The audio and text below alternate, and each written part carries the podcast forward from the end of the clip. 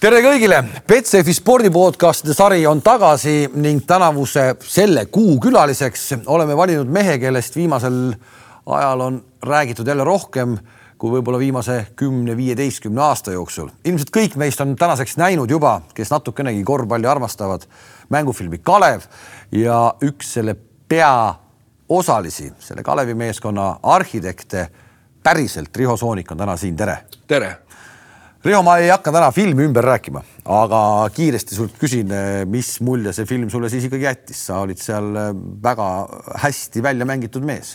ma jäin üllatavalt väga rahule ja olen nüüd paar-kolm korda vaadanud seda ja ka inimestele käinud rääkimas ennem filmi algust, paljud firmad on kutsunud rääkima, et kuidas see asi tegelikult oli. ja kuigi ta on mängufilm, siis paljuski kajastub ka see reaalne elu seal, nii nagu ta oli nii et peale palju teadmatust, palju seda kõike ettearvamist, mis oli, aga noh, lõpptulemus oli kuldne, nii et see kõige tähtsam. sa hakkasid tegema seda, me, me ei räägi filmi ümber, aga, aga mõned asjad ikkagi tulevad sealt filmist ka sisse, aga kuidas sa sattusid üldse äh, Salumetsaga punti, kuidas see, kuidas see üldse käima hakkas, et hakati looma tol hetkel taolist klubi? ajalugu oli natuke teistpidi, mina olin ennem kui oli Jaak.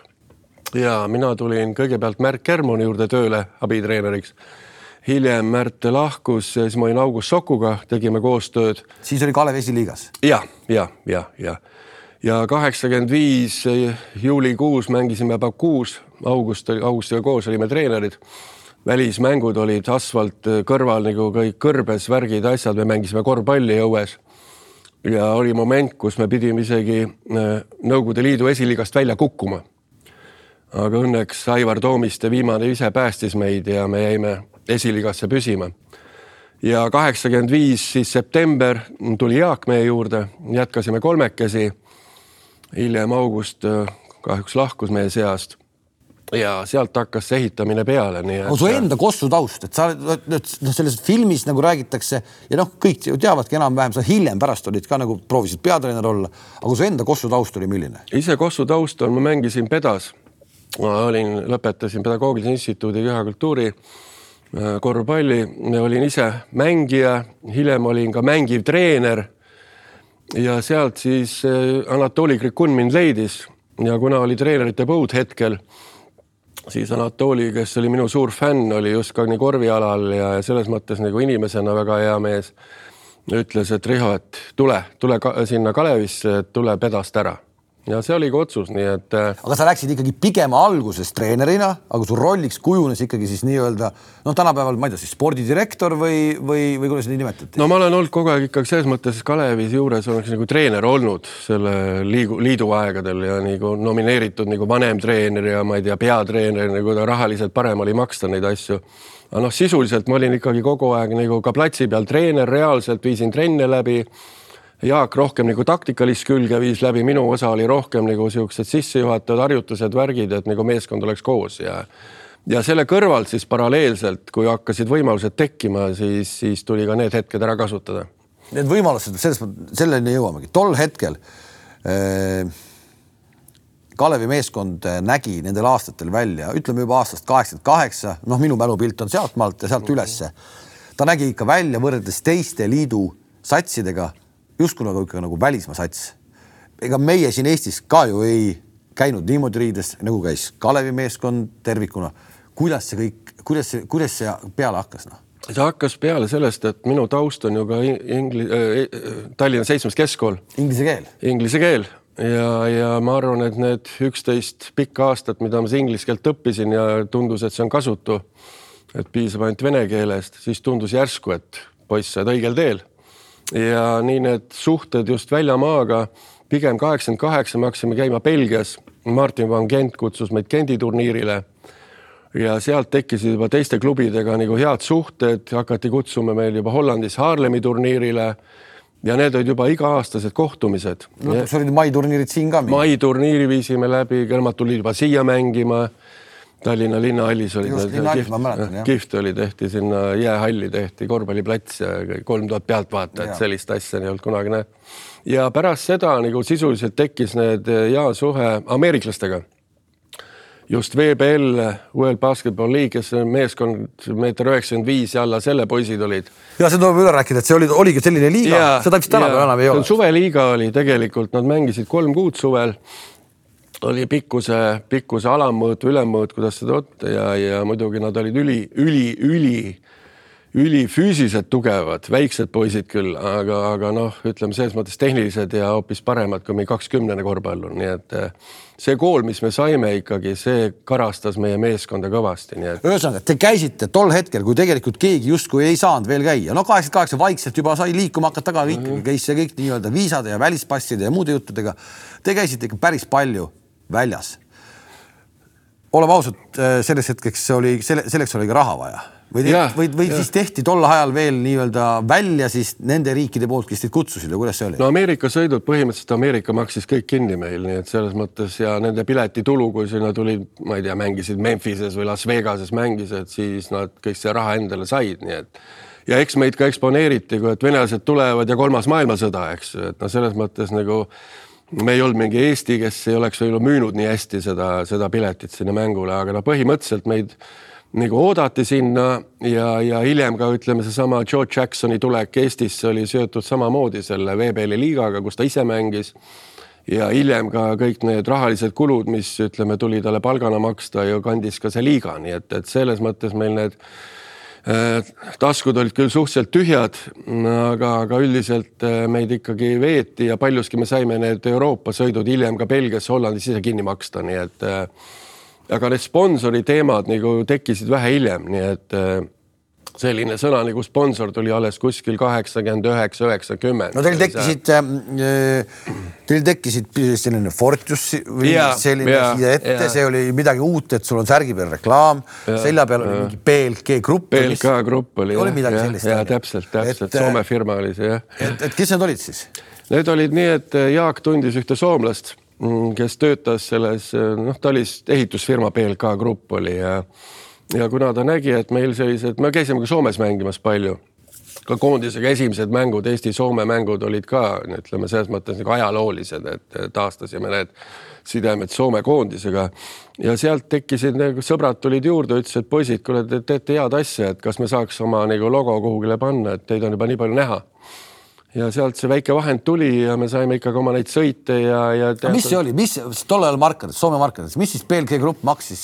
ma, ma, ma panen mööda, ma võin öelda, no ütlemegi viiskümmend tuhat marka näiteks võib-olla niisugune aastaks võib-olla niisugune summa oli ikka, noh, meie jaoks oli täitsa suur-suur värk, eks ju, nii et. Aga noh, põhimõtteliselt see Fortius ja, ja ütleme, need hiljem need tantsutüdrukud ja kõik need kangisaalid, kus me saime tasuta teha Fortiuses ja no see, no oli ikka reklaame vist nagu väljaku ääres ka, Vasar oli seal, siis oli mingi polümeer või mis asjad seal olid. täpselt, need tulid kõik hiljem samamoodi põhimõtteliselt ka kuskil kaheksakümmend üheksa, üheksakümmend, see platsiäärne reklaamide värk ja ja kuna tahteid oli juba nii palju, siis me ei saanud seda pleksikla- või seda tavalist pappi enam hoida, siis tuli hakata vahetama nii et me leidsime väljamaalt sellise firma, kes tegi nagu see vahetatavate reklaamidega. see oli juba tol ajal, eks? see oli tol ajal juba jah, esimesed noh, ma ei tea, ma ei räägi liidust, aga ega Euroopas oli ka neid väga vähe. et me saime kolme reklaami näidata ühe tahvliga ja selle ajaks nagu tiksus seda vahendit ka rohkem juurde, nii et et selles mõttes see aeg oli hästi niisugune suur avastamisaeg ja, ja ja täpselt nagu sa ütlesid, polümeerid, vasarad ja, ja noh, paljuski siin võib-olla isegi mingisugune keegi andis kellelegi mängijale mingisuguse rahavahendi, et ta saaks nagu jätkata Eestis ja, ja need olid need toetuse summad, nii et põhimõtteliselt.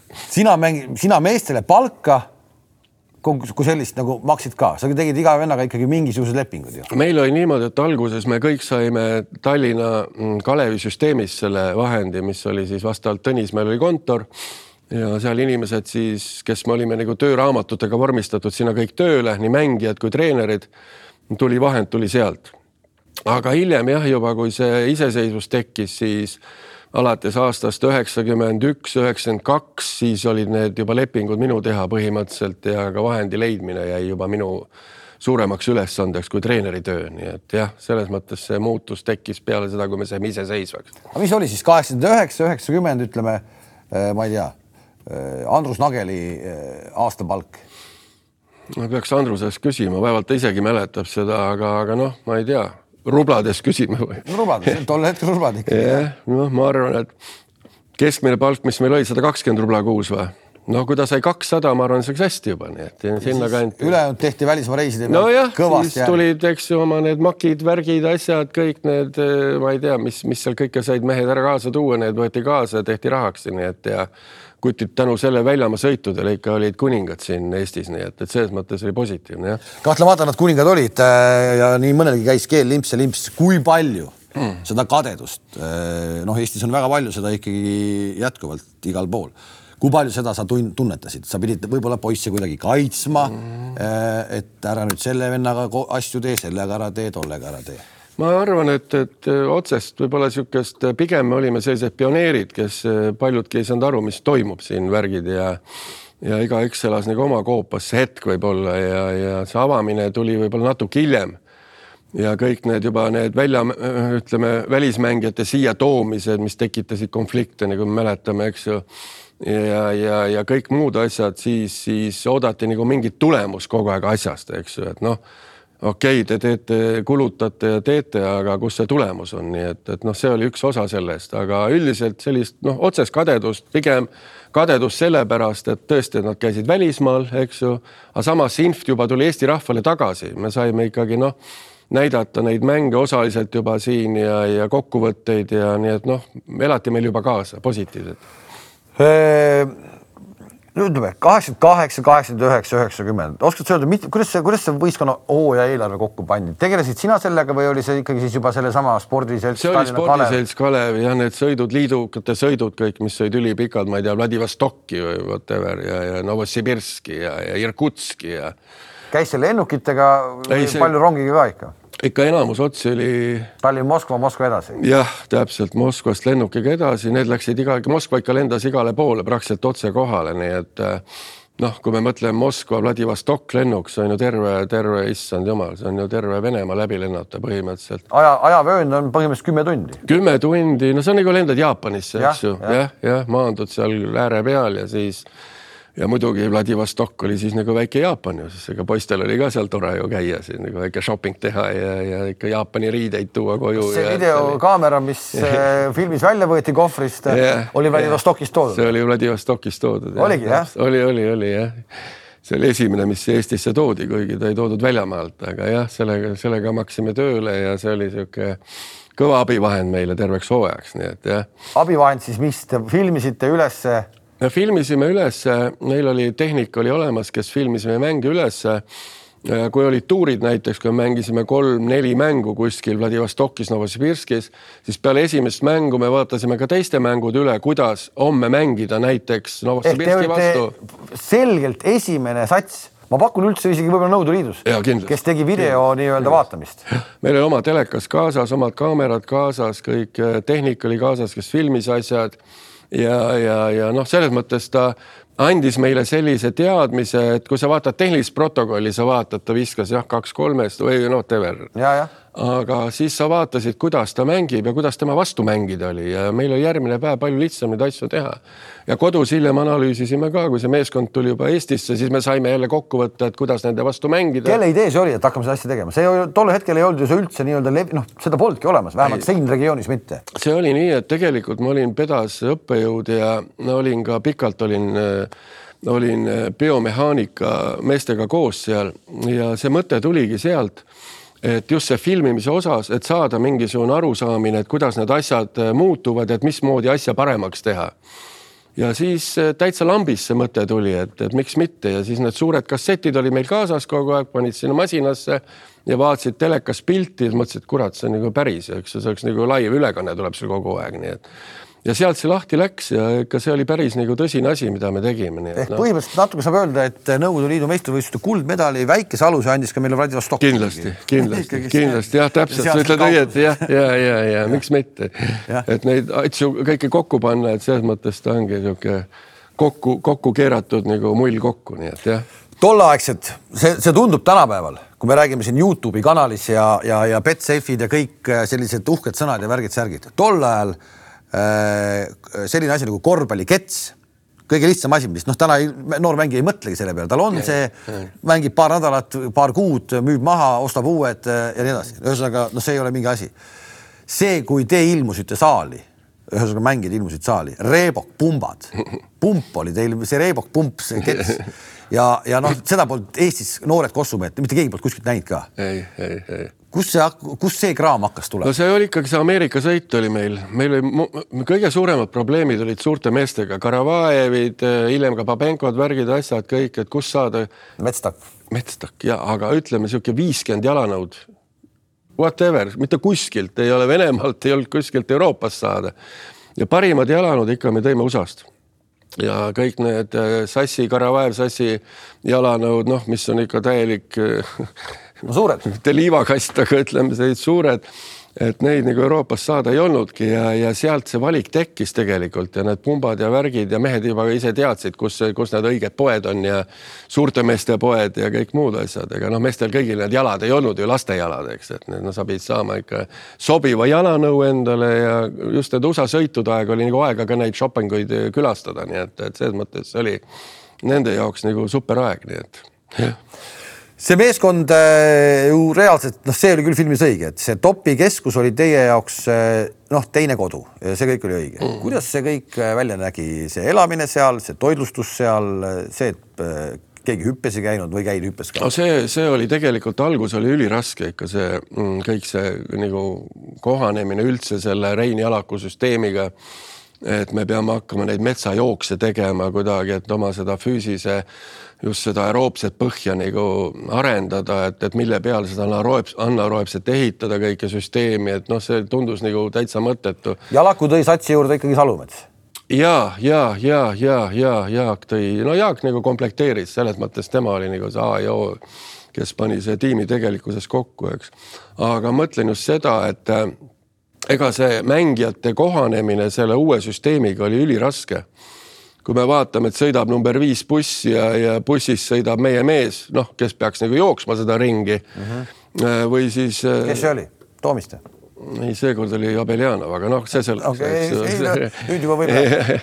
Taškendi riietuses jäi vahele, nii et aga, aga selles mõttes nagu ja vaatad ja siis vaatad Pirita silla alt tuleb suitsu, kurat, mõtlesin, mis kuradi jama see on, et mingi suits tuleb silla alt siis vaatan, Šulanov, Viktorov kahekesi, väiksed toobid ees ja nagu jooks tehtud umbes nii tundub, nii et ega nad ei, isegi ei läinudki seda messaringi tegema. nii et sellist alguse niisugust raskust oli päris palju, et omaks võtta need asjad ja, ja paljuski hommikused trennid olidki niimoodi, et kellel see aeroobne põhi oli väga nõrk, see läks metsa ja kellel oli parem, see tuli hommikul viskama ja tegime juba asju seal ja harjutusi, et et see jaotus nagu kaheks algusaastad, nii et, et see oli päris niisugune karm muudatus ja selle kõik päästis see topi elamine. et mehed ikkagi hommikud toidud, lõunad, toidud, värgid, mänge ei olnud, siis puhkasid seal ilusti, selgelt kodus olid probleemid mõned, nagu me filmiski nägime, eks ju, kelle väike laps oli ja mis sealeski.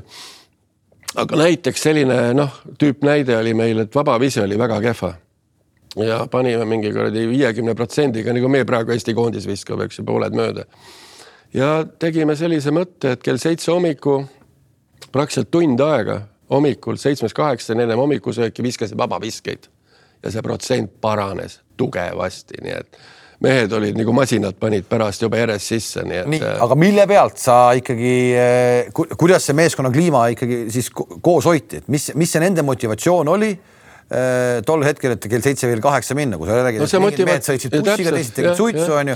et. see algusaastal oligi seesama see enese nagu leidmine, eks ju, ja see meeskond oligi vaja luua alles, teda ei olnud veel, eks ju, ja need inimesed ka vahetusid päris palju selle aja jooksul. mängijad siis? mängijad just jah, ja, ja, ja üks tuli, teine läks ja noh, meil see valik nii suur ei ole, kui mujal võib-olla Nõukogude Liidu meestel oli, aga, aga meil oli ka ikkagi need muudatused aastatega, kes tulid alguses, kui me vaatame kaheksakümmend viis koosseisu, kaheksakümmend kuus ja kes lõpuks oli üheksakümmend. sealt ei olnud kedagi. praktiliselt tühi maa, eks ju, noh, ütleme võib-olla Tomka oli seal varem natukene, eks ju, tuli liidu mees.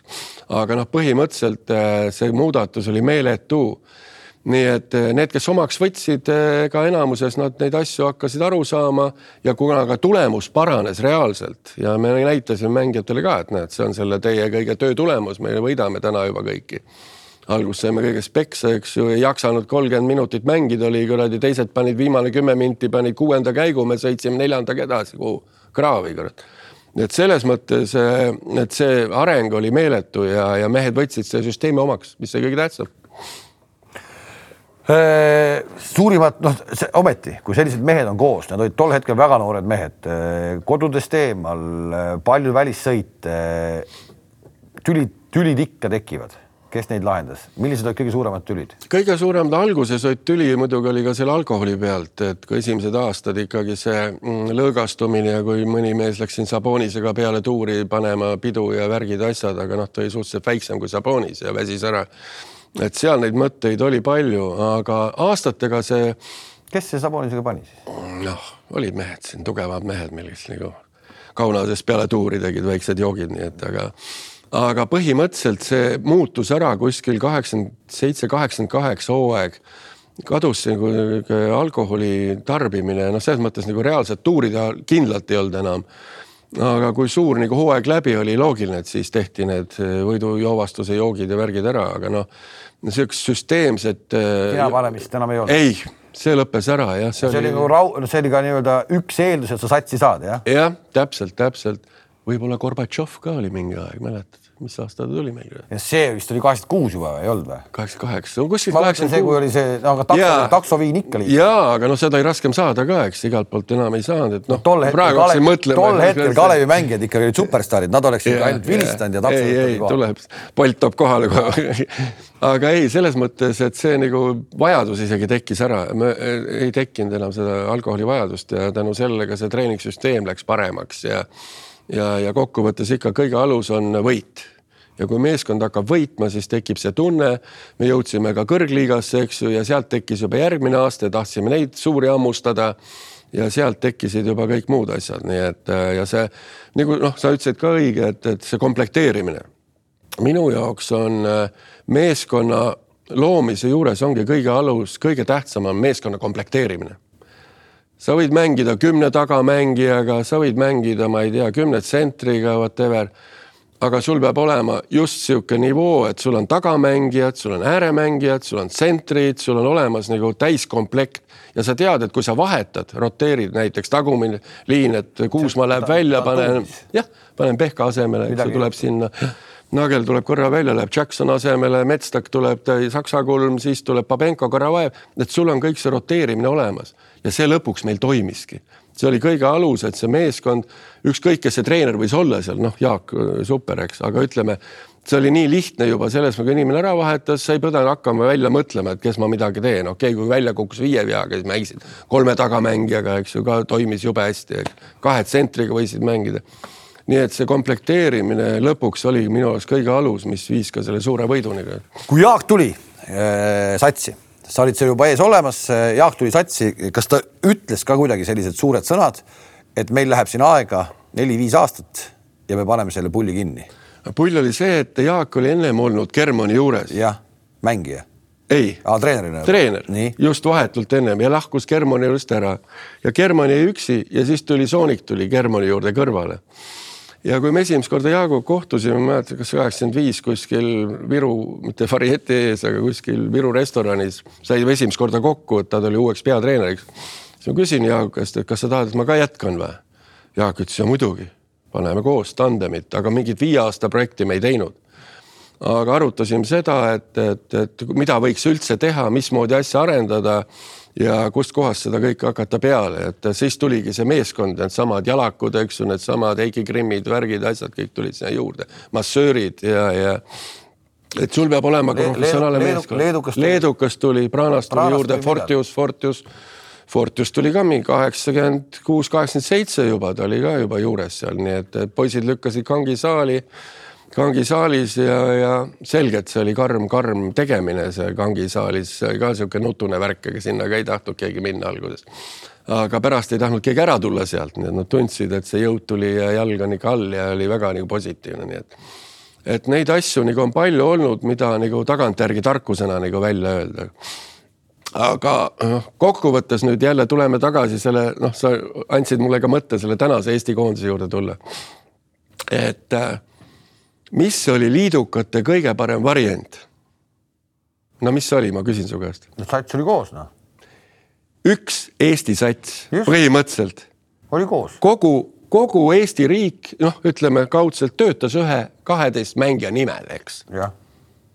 tänane Eesti, igaüks teeb enda satsi ja tõmbab see tekk enda peale. ja mitte kellelegi midagi lõpuks ei jäta. ei, ongi, meil ei ole seda inimjõudu nii palju, et me saaks kümme võrdset kuradi Kalevit teha, never ever meil ei ole sellist otsust, et me teeme ühe tugeva Euroopa tiimi ja viime selle meeskonna. kui sa juba läksid sinna, siis räägime ära selle, miks, aga miks meil ei ole?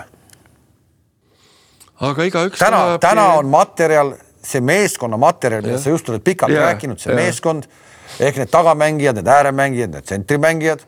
täna on võimalik tuua ilma igasuguse äh, poliitilise häbita sisse ka mõned välismängijad, mis on jumala okei okay.. aga kaheksa oma meest ja neli välismängijat ja meil oleks täna materjal olemas äh, vähemalt samasuguseks Kalevi meeskonnaks, nagu ta oli tol ajal, mis tõi täis kõik saalid. absoluutselt, absoluutselt. aga miks seda ei ole, miks sa, miks sa ei lähe uuele ringile? ma ei ole see, noh, mind tõmmati rajalt maha omal ajal, kui tuli selline president nagu Tart-, tartlane üks oli meil siin ja hakkas ehitama Tartusse Kalevit, mis tähendas seda, et tekkis selline poolustumine, et nüüd on Tartusse vaja ka Kalev teha ja sealt nagu tekkisid need konfliktid juba ja ka vahendid võeti meil vähemaks selle arvelt, et tuli ka nagu teine Kalev hakata ehitama. ja selle, selle noh, ma ütlesin kohe alguses, et noh, seda kahte ei ole võima-, mida ma tegin pikalt, ma tegin Eesti klubide koondist. ja võtsin Eesti parimad kokku ja mängisin euro, eurosarjasid mängisin niimoodi et.... no see oli juba hiljem see. jah, A Le üheksakümmend seitse, jah, okei, okei, ühesõnaga ja, ja tegelikult kõige parem koosseis oli üheksakümmend viis, üheksakümmend kuus. minu arust kõigi aegade parim, kui oli Müürsepp, Terry Cooner, Kate Hill, kõik need eh, super Kalevi mehed juurde. et see koosseis oli veel parem, üheksakümmend viis, üheksakümmend kuus võrreldes üheksakümmend, üheksakümmend üks. see oli Sokk ka tagasi juba ju. jah, jah, jah, jah, jah. Aarlemi turniiri võit, eks noh, see on super asi, mis Eesti korvpallis never ever. aga, aga see, see ongi, see nõuabki, noh, ma ei tea, täna ei suuda ükski poliitik oma kokku leppida midagi teha Eestis ühte asja, eks. ja hakata nüüd siis tooma tagasi Kotsarit ja kõiki neid ja panna siia juurde mingid eh, kolm super vanameest, eh, whatever, see oleks ju täielik, täielik. on see ulmeline, kui täna, täna mängib, täna mängib Prometee meeskond, Ukraina meeskond mängib liigat, kellele eelarve on kuus miljonit yeah, yeah. eurot. kas meie täna võrreldes sinu ajaga, kui sa alustasid kõike seda tegema? raha taha see ei jää, ma arvan, et äh, raha taha see ei jää. Pigem meil on just nii, et äh, noh, täna, kui sa ise vaatad, täna ehitab Pärnu endale meeskonda, Rapla ehitab meeskonda, see ehitab meeskonda. et kõik on tublid ehitajad, eks ju. aga kõik teevad, aga see kõik on kaks kuni kolmsada tuhat eurot ja jälle uus hooaeg. ma tulen, ma tulen tolleaegse aega tagasi, needsamad Kalevi mängijad Kuusma, Toomiste mm -hmm. mängisid standardis mm, -hmm. kes mängis Harju Kekis seal mm, -hmm. kes mängis TPI-s. Nad mängisidki neid kevadisi play-off'e mm, -hmm. mängisid ju nendes nii-öelda Eesti meistrivõistlustega, Eesti meistrivõistlused sai ikka läbi mängitud ju yeah.. ja väiksed poisid käisid kõik, mina käisin ka neid, neid mänge ka vaatamas, kui nad mängisid seal standardid ja nende, nende asjade eest. ega liidukate aega vanasti ka, kui krõgunid mängisid ka ju pärast kuskil standardis ja igal pool. aga mängitigi, mängitigi. Eestikad mängitigi, suvel mängitigi. superklubi oli ja, ja ma olen, ma olen, ma olen ka sellel, ma olen ka sellele mõelnud, et, et see võib olla muidugi kõikide jaoks täiesti ulme või mitte, aga saaks ka korraldada täiesti show, kui meil on see nii-öelda supersats olemas ja kevadise play-off'i ajal saavad Eesti klubid väikse sellise draft'i teha ja, ja nad valivad endale sellest supermeeskonnast kaks mängijat endale juurde siis tuleb kevadine play-off. ma ei tea, kas see tänapäeva lepingute asjade juures, kuidas see võimalik on, aga kuidagi kindlasti võib-olla oleks. vaata, sa mõtled ja. nii õieti, Kalev, sa mõtled nii õieti ja, ja Eesti on nii väike meid on, palju meid on, kuule, üks koma kolm, eks noh. nii, nii.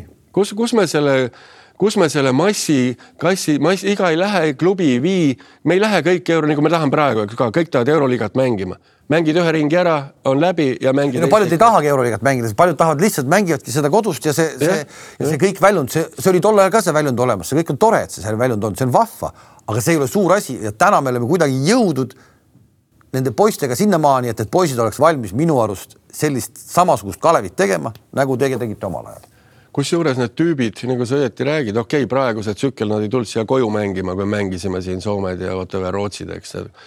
aga need kõik need tüübid on reaalselt olemas, on lepingutega seotud, kes on täna Hispaanias, kes on Ameerikas, kes on seal, nad on maailma laiali. ja homme ta on Hispaania, oli Poolas, täna on Hispaanias, eks ju. Ega nende tulevik on teadmata, ta ei tea, mis toob teile kevad näiteks kakskümmend kolm juba, eks täna, kui sihuke projekt ette valmistada ja anda kõikidele meestele teada, et me tahame teha super Kalevit näiteks, eks noh, mis, mis oleks nagu reaalne variant ja täna leida vahendeid no tunduvalt kergem, minu arust tundub. mulle okay. tunduks, et see on, aga miks ja. ei ole siis tänapäeva lihasoonikud kuskilt välja tulnud? ei, ei teagi, no praegu on teised inimesed juhivad Eesti korvpalli.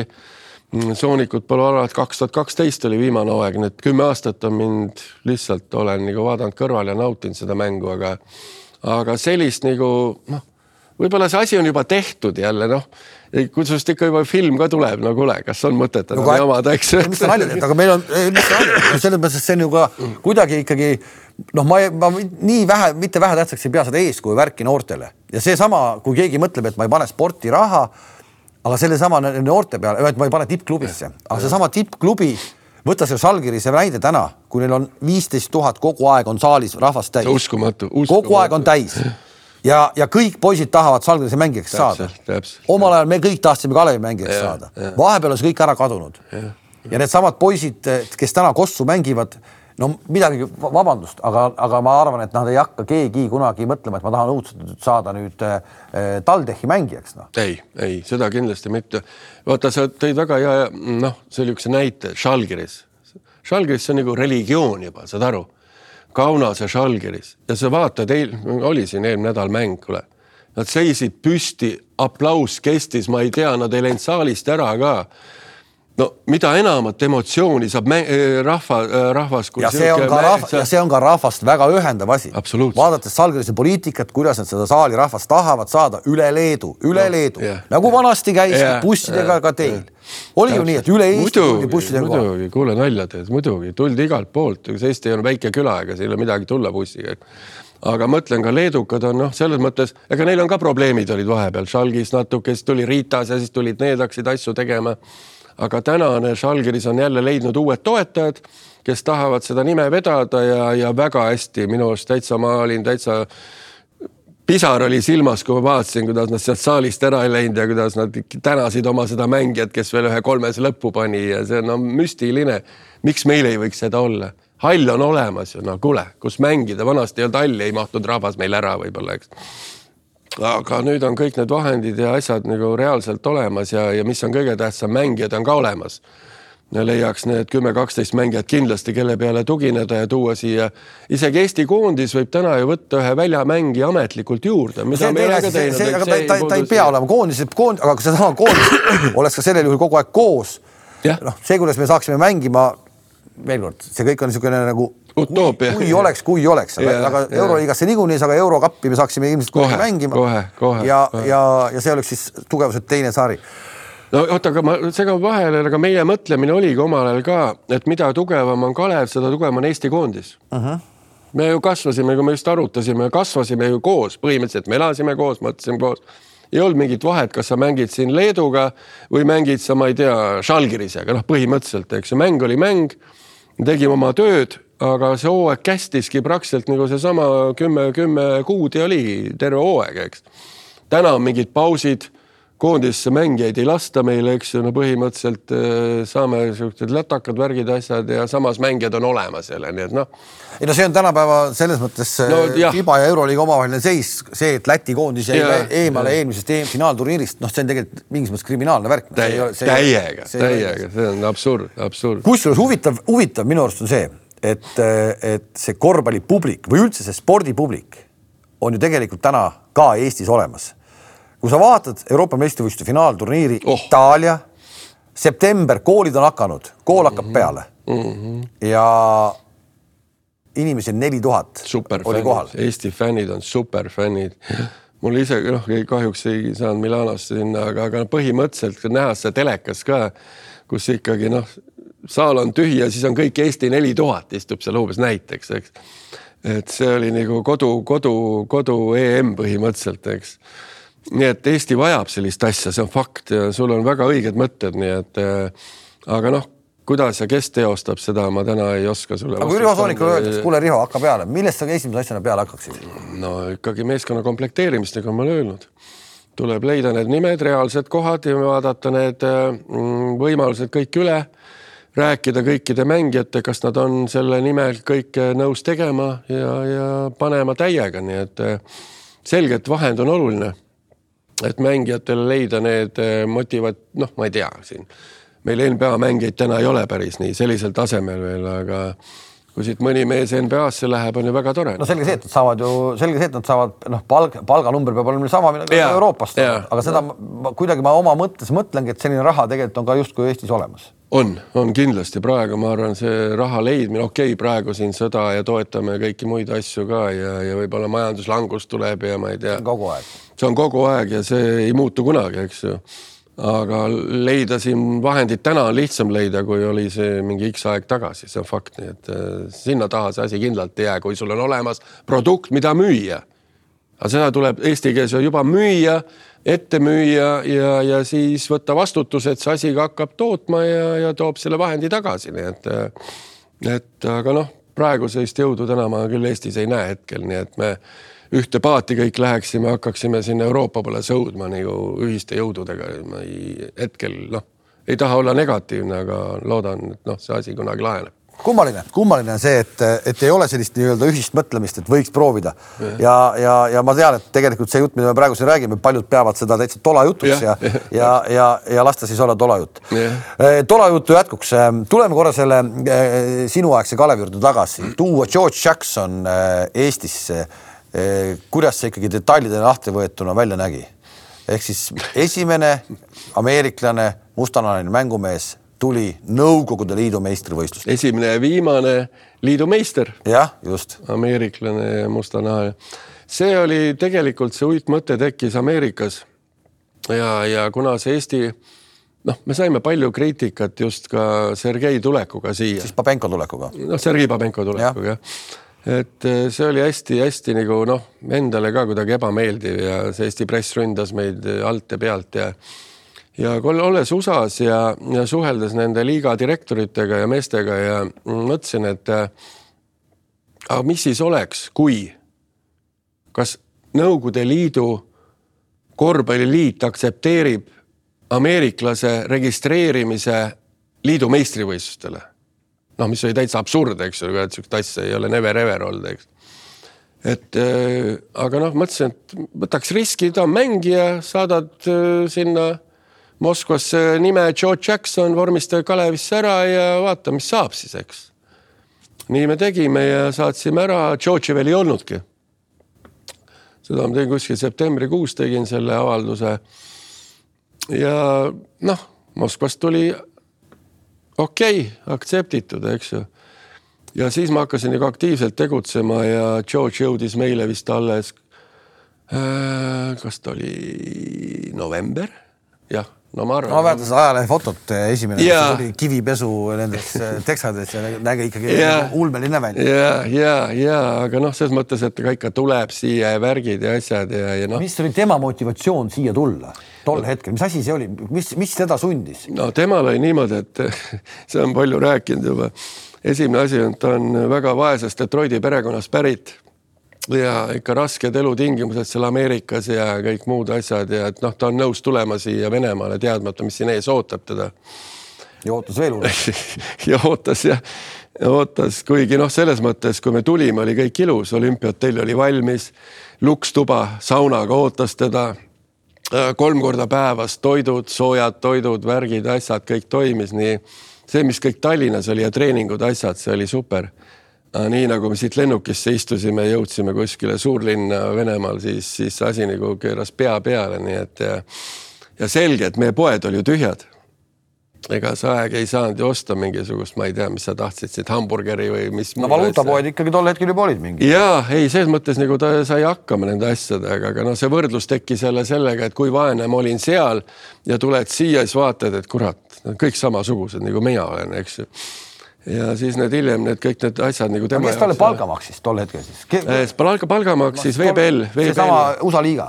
jah, ta oli mingi tonnine poiss minu arust oli omal ajal, nii et dollarid, tuhat dollarit kuskil oli jah. ja me maksime talle siis nagu boonused iga võidu pealt, noh, mis ta, me võitsime siin ja, ja hiljem nagu liidu kulla boonused ja värgid, need tulid nagu meie poolt juba, nii et aga noh, põhimõtteliselt jah, et, et ta oli nagu meie toiduabiga, et mis tuli siia meil aitama nagu Eesti, Eesti sporti. oli see lihtsalt nagu turunduse mõttes sinu nagu trikk, et davai, teeme sellise asja ära või meil tõesti sellise mängija koha peale oligi vaja? tegelikult meil ei olnud Venemaalt, me ei hakanud, me ei saanud enam tuua juurde jõudu peale Pomenkot, see oli fakt ja kuna Nagel oli üksik.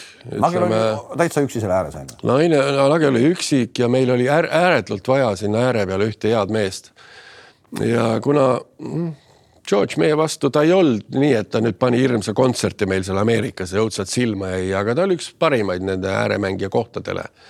ja sealt see mõte tekkis, et aga miks mitte tema tuua Andrusele abiks siia Eestisse ja. kes selle esimesena välja ütles siis, sina või Jaak? mina, mina. Jaak ütles selle peale noh, Jaak on üldiselt alati okei okay,, ma arvan, et selles mõttes, et kui me absurdidest rääkisime kõik ja muid asju, aga noh, ega see Pabenko toomine ka, kui ta oli traumeeritud siia tuua, oli ka ju crazy, crazy mõte, eks ju. vana ei saa Spartakis mängida, tuleme siia, hakkame ravima teda, kes ei suuda liikudagi, eks. ja pärast oli niisugune kingitus, eks.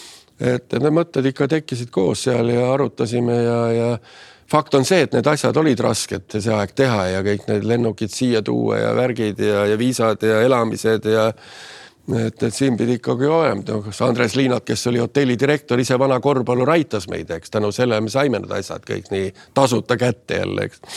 et, et kõik need asjad on niisugune partnertehingu tulemus, et, et ega siin nagu vahendite taha nagu oleks jäänud paljud asjad, aga me saime tehtud nagu toiduabina kõik asjad ära ilusti, nii et et selles mõttes jo,. oli tema, temaga mingisuguseid intsidente, et te pidite teda kuidagi turvama või kuidagi nii-öelda äh,. ta oli niimoodi, et kätt hoidma. Rauno hoidis tal kätt kogu aeg, selles mõttes Rauno Pehka oli mees, kes noh, rääkis inglise perfektselt ja, ja mul on paljud pildid, kui mul tütar on kodus, noh, ta oli mingi seitse-kaheksa see aeg ja ja George tuleb meil õhtus sööma ja siis tuleb Rauno ka ja me mängime malet näiteks ja George mängis hästi malet seal ja, ja no me otsisime kogu aeg ka mingisugust äh, korvpalli kõrvalist asja ka, et talle sotsiaalset tegevust, et ta päris nagu mees metsas seal üksi siin hotelli ära ei kõngeks ja homme koju ei tahaks minna, nii et. Ja kuna sõite oli ka palju, siis Haarlemi turniir tuli, kus ta säras, sai MVP auhinna, nii et, et selles mõttes see andis talle nagu tiivad, et ta on ikka on tegija ja Euroopa tasemel juba, nii et ja sõbrad nägid ka teda, kes veepeeli mehed seal ka mängisid, nii et. Eh, treeningutel keele mõttes siis Rauno viis edasi või sina viis edasi, mis, mida Jaak? seal oli selles mõttes nagu taktika osas oli nagu noh, ütleme võib-olla osa asju tuli Raunol veel lahti seletada seal kõrval platsi peal ka, aga noh, üldiselt mäng on mäng ja, ja sa ikka, tark mängija saab aru nendest liikumistest ja kuhu ta peab liikuma, kelle katte panna ja mida teha, nii et eh, et selles mõttes nagu otsest nagu keelebarjääri seal treeningutel kindlalt ei olnud, nii et see oli lihtne asi. Tollase noh, tõelise korvpallibuumi, see, kes saali sai, see oli ikkagi nagu õnnega koos, et äh, neid, ma ei tea, kuidas, kuidas see piletite süsteem oli, kas sina tegelesid sellega kuidagi või see oli ka Kalevi? see oli Kalevi Alli ja, ja seal oli ikka Kalevi All ja kui mingi mees seal ukse peal oli ja talle viiekas pandi siia, ma ei tea, kuhugile taskusse vaikselt, siis ta sai koha sinna saali ja ja nägupidi tunti ju kõik, kes tagant uksest sisse tulid, eks ju, nad ei teadnud piletist midagi, eks ju, seal pooled tulid nii tagant sisse nii vaikselt ja omad personaalsed kohad olid seal olemas, vipikohad omaaegsed siis ja. aga ei, selles mõttes see noh, ütleme, see piletimüük oli ikka live, ega seal mingit interneti eelmüüki ei toimunud see aeg, nii et kes sees, see mees ja tõenäoliselt oli ka kollektiivtellimused pandi, ma ei tea, bussitäis pani endale piletid kinni, Kalevi oli, tulid ja ostsid need välja kõik, et sihukest asja nagu telefoni teel toimis, nii et. nüüd, kui te olite kaheksakümmend kaheksa alustanud põhimõtteliselt kaheksakümmend üheksa, üheksakümmend, eh, mis hetkel te saite aru, et kurat, nüüd vist me saamegi võidu peale mängida, reaalselt võidu peale mängida? no oligi üheksakümmend, ma arvan, oli esimene hetk, kui see meeskond oli noh, ütleme jah, siis september üheksakümmend mm, oli meil väga ebaõnnestunud algus veel ju, me kaotasime praktiliselt noh, nagu filmiski näed, see Moskva Dünamo mingi mäng ja siis ära antud ja kes võtab tagasi ja kes kellelegi võlgu on mängudega ja mis muud asjad. aga meie pauk läks lahti, ütleme ja reaalselt oli ikkagi üheksakümmend üks jaanuar peale seda Haarlemi turniiri.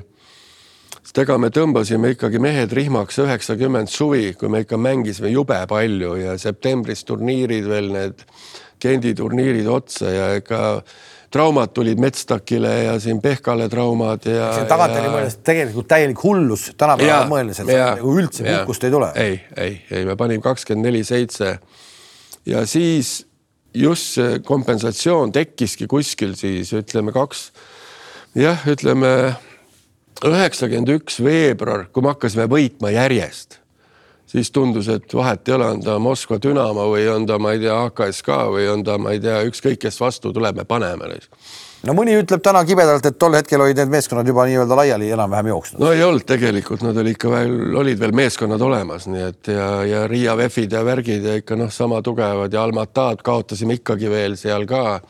nii et eh, need koosseisud veel eksisteerisid selle, selle hooaja veel võib-olla jah, et noh, HKSK oli lahjem ja, ja võib-olla noh, Dünamo oli väga kõva jõud. no Žalgiris enam polnud ka, aga see selleks. no Žalgiris jah, loobus varem juba, eks ju, aga noh see oli nende probleem, aga noh, põhimõtteliselt finaal ikkagi Spartakiga, noh, ütleme jälle ka superjõuk oli omal ajal, eks. ja poolfinaal, minu jaoks finaal oli ikkagi Riia VEF-iga, no räägime paari sõnaga sellest ka, see, see Aivar Kuusma jalavigastus filmis oli ka välja mängitud. noh, minu mälupildis oli see, et tol hetkel selle päästjaks oli ikkagi imearst Joala kelle juures tehti, noh, tõesti tehtigi imet. kumb see siis oli, kas Jalak oma süstidega või, või Joala? ma arvan, see oli, ma arvan, et Joal oli kindlasti üks, üks see, kelle, kelle värk asi ja aga, aga noh, ikkagi praeguse süsteemi juures ikkagi see süst päästis. ja ma arvan, et eh, ilma Reinu süstideta see kauge posimine oli küll abiks kindlasti aga, aga ilma selle valu vaigistava süstita, nagu ta ütles, et ma tahan minna platsile. ja kui see valu oleks tal ikkagi tunda andnud, siis ta ei oleks seda lauset öelnud, nii et, et hetkel seda valu ei olnud ja, ja see asi toimis ja tänu sellele me saime sinna finaali, nii et, et see oli ikkagi ka noh, ütleme meile kingitus, nii et neid otsi oleks võinud igatpidi arutada, kui oleks nii läinud, siis oleks läinud nii ja ei oleks saanud edasi, aga noh see on juba spekulatsioon kõik, nii et me ei tea seda. üks asi veel, mida siin ka filmis äh, oli näha, aga mis tol ajal, kui neid protokolle vaadata, tolleaegseid protokolle, siis äh, jube suured skoorid, suured skoorid, rünnaku aeg kolmkümmend sekundit, iseenesest peaks ju nii-öelda mängutempot maha tõmbama, aga skoorid suured, saja punkti täisviskamine polnud mingi küsimus oled sa, oled sa mõelnud? ei ole, olen mõelnud küll, aga, aga no ma just noh, tänane korvpall on õudne defense käib, eks ju, kõik panevad kakskümmend neli, ainult defense, kaitse, kaitse, kaitse, kõik selle nimel töötavad. aga ma ei tea, kas nad kuidagi see mäng oli avatum, oli palju, kuigi mängu jah, sa ütlesid õieti praegu, rünnakuaeg oli kolmkümmend sekundit, kakskümmend neli, eks põhimõtteliselt, aga ma ei tea, see tehniline külg ja, ja kõik need äh, kiirrünnakute lahendused ja värgid see kaitse ei olnud nii kõva ja tänu selle võib-olla ka pallikaotusi oli vähem, eks ju, ja neid lihtsaid korve tuli rohkem, aga aga just ma olen ka mõelnud seda, et täna mäng lõpeb kuuskümmend, ma ei tea, viiskümmend viis, eks ju. noh, kas see on parem kvaliteet? ei tea, aga, aga noh, omal ajal lõppes ka mingi kaks-null mäng oli kunagi mäng mees, kes oma emotsiooni välja ei näidanud, siis selle võiduga peatreener Jaak Salumets. Eh, filmis oli väga hästi see välja toodud ka, ehk et põhimõtteliselt ikkagi nagu üks-ühele see, kuidas vend oli kustunud. ta ise on hiljem öelnud, et ta oli nii tühi, et ta ei osanud enam nagu nii-öelda siis eh, rõõmu tunda. oli, oli, oli, oli, aga noh, vaata Jaak on ka selline, kes näeb asju ette paljuski ja ka sihuke posija tüüpi vana, et, et selles mõttes ta kogu aeg ütles, et see asi tuleb ära teha ja siis, kui ta tundis, et see asi on tehtud, siis ta oligi tühi.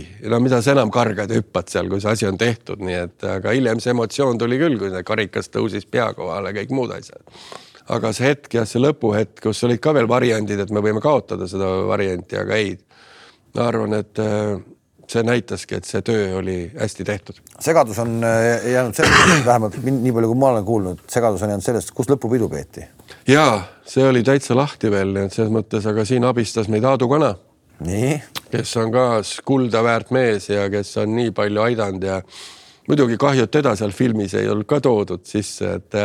no Aadu oli kindlasti tol oli... hetkel ikkagi ka täielik. mees, kellega läbi räägiti asju. absoluutselt, ta oli ikkagi mm, ehitus, mm, ehitusminister sel hetkel veel ja, ja palju suurt abi ikkagi tuli tema kaudu, kui me saime neid kortereid ja värki ja hiljem ka veel sinna juurde, nii et et müts maha selle presidendi ees ka, nii et niisugune hea tiim oli meil, nii et, et selles mõttes äh, asjad toimisid ja, ja, ja noh, vaata, kui see ongi nagu sa ise ütled ka, et kõige alus on ka niisugune hea tiim ja nendega koos hakkad asja tegema ja sa pead seda asja nautima, saad aru sa ei saa vägistada, minna kuradi pea ees kellegi, ütled, kurat, teeme seda asja, kui ei tee, siis pea meeles. no nii me ei saa käsi rusikas käia Eestis.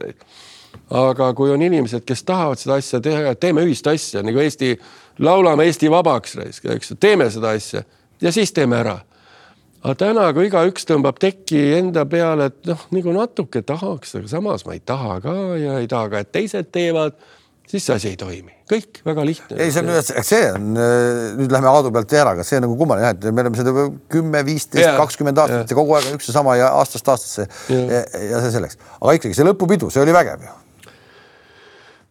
kuule, ma seda lõppu ei mäleta. No, seda lõppu ma ei mäleta, ma mäletan, kas see oli järgmine hommik oli see ülejärgmine hommik, seda ma ka ei mäleta, aga me pidime minema ju siis äh, Äh, ülemnõukogu presiidiumi nagu selles mõttes nagu vastuvõtule. vastuvõtule ja, ja., ülikonnad seljas. ülikonnad, lipsud, värgid, asjad, noh, need tuli ka üles leida selleks ajaks juba, nii et et see oli väga-väga pidulik värk, et kui me juba Toompeal olime, ühise laua taga istusime ja meid meeles peeti, siis ikkagi tekkis niisugune noh, yes, we did it mis see võidupreemia tol ajal oli, kuidas, kuidas välja nägi, palju iga mees sai siis?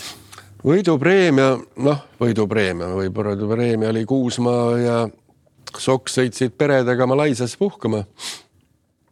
ja noh, see oli juba võidupreemia, eks. aga. tol ajal, kujutad ette, tol ajal. tol ajal. Malaisia, sina sebisid välja selle reisi? oli jah, aga mis ma ise tegin, ma viisin kogu meeskonna, viisin veel, mis kuradi koht see oli, mäletagi. vabandust, soe oli seal igal juhul, nii et, et selles mõttes. ühesõnaga ka reisile? jaa ja. koos peredega läksime kõik, nii et. sai puhata? jah no.. mis sa teisiti oleks teinud, kui, mis sa teisiti oleks teinud, kui, kui sa peaks täna tegema uuesti, noh, tol ajal, tolleaegsetes tingimustes, mis, kus sa said aru, et läks valesti? ei tea, eks see protsess kestis nii kaua, kui sa nii hakkad mõtlema, eks. et kas see hetk oligi nagu noh kui vana sa üldse olid tol hetkel? ütle, kui vana sa olid, kui sa olin viiskümmend seitse toodang. viiskümmend seitse toodang mm -hmm.. ehk et sa olid siis kolmekümne aastane, põhimõtteliselt kolmekümnene. ja, aga noh, ma alustasin jah, natuke varem veel. nii? liidu meistriks tulime. siis olid kolmkümmend neli. noh, kolmkümmend kolm olin, augustis kolmkümmend neli oleks saanud, nii et noh, jah see kolmkümmend kolm oli niisugune vanus, kus nagu seda kõike tahtmist ja hasarti oli ikkagi nii, et teatud mõttes vaata, sa teed asja ja sa ei mõtle selle peale. ega sa ei tea, mida sa teed, iga samm oli nagu uus samm. et selles mõttes jah, see asi oli nagu noh, vabandust, suhteliselt keeruline oli, aga, aga samas nii huvitav ja nii põnev kui palju tol ajal ikkagi seda musta mängu ka oli, ma mõtlen seda, mida otsustati ära kuskil laua taga, filmis käis see korraks läbi ka äh,. seal on kuulda, et on, on kuulda, et, et ei olnud ikkagi äh, Jürvistise, kes seda raha maksis, vaid, vaid ikkagi seal olid teised, teised mehed, aga seal midagi toimus ikkagi mm. -hmm. kui palju üldse sellist asja oli, kui palju kohtunikke maksti, kui palju kohtunikke pandigi hotelli ukse luku taha ja nii edasi? no seda oli palju, seda oli palju ja just noh, ma ütleks nagu teatud linnad, näiteks Tbilisi. seal me ei võitnud ühtegi mängu praktiliselt äh, ajaloo jooksul isegi, võib-olla ühe mängu kuskil oli, aga noh, sinna. seal oli Kapustin ka vist oli. ja, ja täpselt, täpselt. mees. nii. aga, aga ütleme nii, et niisugused äh, otsustavad mängud, noh, kui komissar tuli, tuli oma kahe kohtunikuga. Mäletan sihuke hästi vastik kohtunik oli Jefim Resser. kui ma seda nime kuulsin enne mängu, et Jefim jälle tuleb Kalevit tapma, kurat siis. mis liiduvabariigis tema oli? ta oli juut elas Peter, Leningradis elas. ta oli, ta oli siis ikkagi Leningradis, ta ei tulnud kuskilt äh, ei, ei, Kiievist või Almatast? minu arust ta oli ikkagi puhas sihuke Lenska poiss oli, aga noh mäleta, mis mänguaeg keegi ajas ta tribüünil taga, kas see oli mingi pealtvaataja, ta jooksis eest ära, kartis, et saab peksa. siin Tallinnas? minu arust oli Tallinnas jah. ta vana isegi suutis siin teha sigadusi ja noh, siukseid negatiivseid oli ikka väga palju, nii et.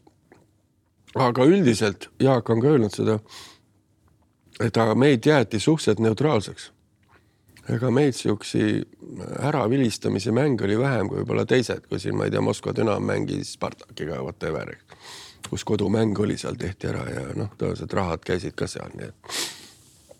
aga noh, selles mõttes see Nõukogude Liit oli, on ju nii suur, eks, ega seda kõike ei hooma nii et kui Vladivostok saab endale kodutuuri ja see meeskond kõik kaotab, siis ei ole ka seda asja mõtet teha seal, eks, nii et et nüüd äh, nagu vana, kes Domašni Zagatovka oli väga kõva, et kodune ettevalmistus ikkagi valmistas see tuur nii ette, et, et see meeskond võidaks. et ega paljud need ülejäänud meeskonnad seda mängu seal väljas nägid, nii et, et selles mõttes äh, meil olid kohtunikud ka paljud sellised, kes meid nagu hoidsid ja Neid, neid oli ikkagi neli-viis tükki, kes olid nagu täitsa neutraalse vilega ja väga-väga positiivne. oli kuidagi nii ka, et ütleme isegi võib-olla, et hoiti eemal Läti kohtunik Kalevi mängust näiteks. ja, ja seda oli kindlasti. no seda peab, Valdo mehed. Suurkask oli meil suur, praktiliselt Nõukogude Liidu parim kohtunik omal ajal, nii et ja teda pandi just neid suuri finaale vilistama alati, et, et noh, ta on nii, niivõrd hea kvaliteediga kohtunik ja ei, teda ei ei määri ei ümbriku. no ütleme, et Suurkask, äh, Valdo Suurkask, kes tahab tuua võrdlust, ma ütlen, Luisi Lamonica tänase päevani, kes vilistab, eks ole, et kuidagi väga võib öelda, et sellised noh, välja peetud äh, härrased, keegi väga sõna. sündinud, sündinud kohtunik. keegi sõna ei tõsta, häält ei tõsta nende peale, nendega arutatakse asju, mitte ei karjuta, on ju, et kuidagi sellised mõned, mõned on sellised natuur. on, on, on täpselt, täpselt, aga noh, põhimõtteliselt neid tüüpe on noh, ütleme, nad on sündinud selleks nagu vilistamiseks see kohtuniku töö on äärmiselt, äärmiselt vastik ja raske. kas ta käis teiega tuuridel kaasas, ta vilistas teisi mänge, kui te mängisite näiteks, noh, ta vilistas teisi mänge, käis see kuidagi nii tol ajal või? ei, üldiselt ta ikkagi oli seal kuskil äh, meiega koos väga harva. võib-olla mingid turniirid, kus me mängisime kaasa, oli temaga olemas, aga no põhimõtteliselt ikkagi ta vilistas kuskil Moskvas ja Peterburis ja, ja jah, väga õieti ütled, et ka lätlasi, need Bernardseid ja neid ka ei lastud eriti meid nagu meie mänge vilistama, nii et noh eks see Moskva tõmbas ilusti neid niite, kas kuhu läheb ja kelle, kelle mängu vilistab, nii et, et selles mõttes see asi on nagu jah. kas sa arvasid siis, kui sa kolmekümne kolmeselt olid teinud ära Jauguga sellise asja, et see jääbki su elutööks? võid öelda, et see tegelikult ju mingis mõttes on su elutöö? no nüüd, kui ma nii tagantjärgi tark olen, eks ju, et õudne töö on tehtud ja midagi selle... sellist, mida keegi teine pole suutnud täna Eestis teha. seda riiki ka ei ole enam, eks ju, mille meistriks tulla.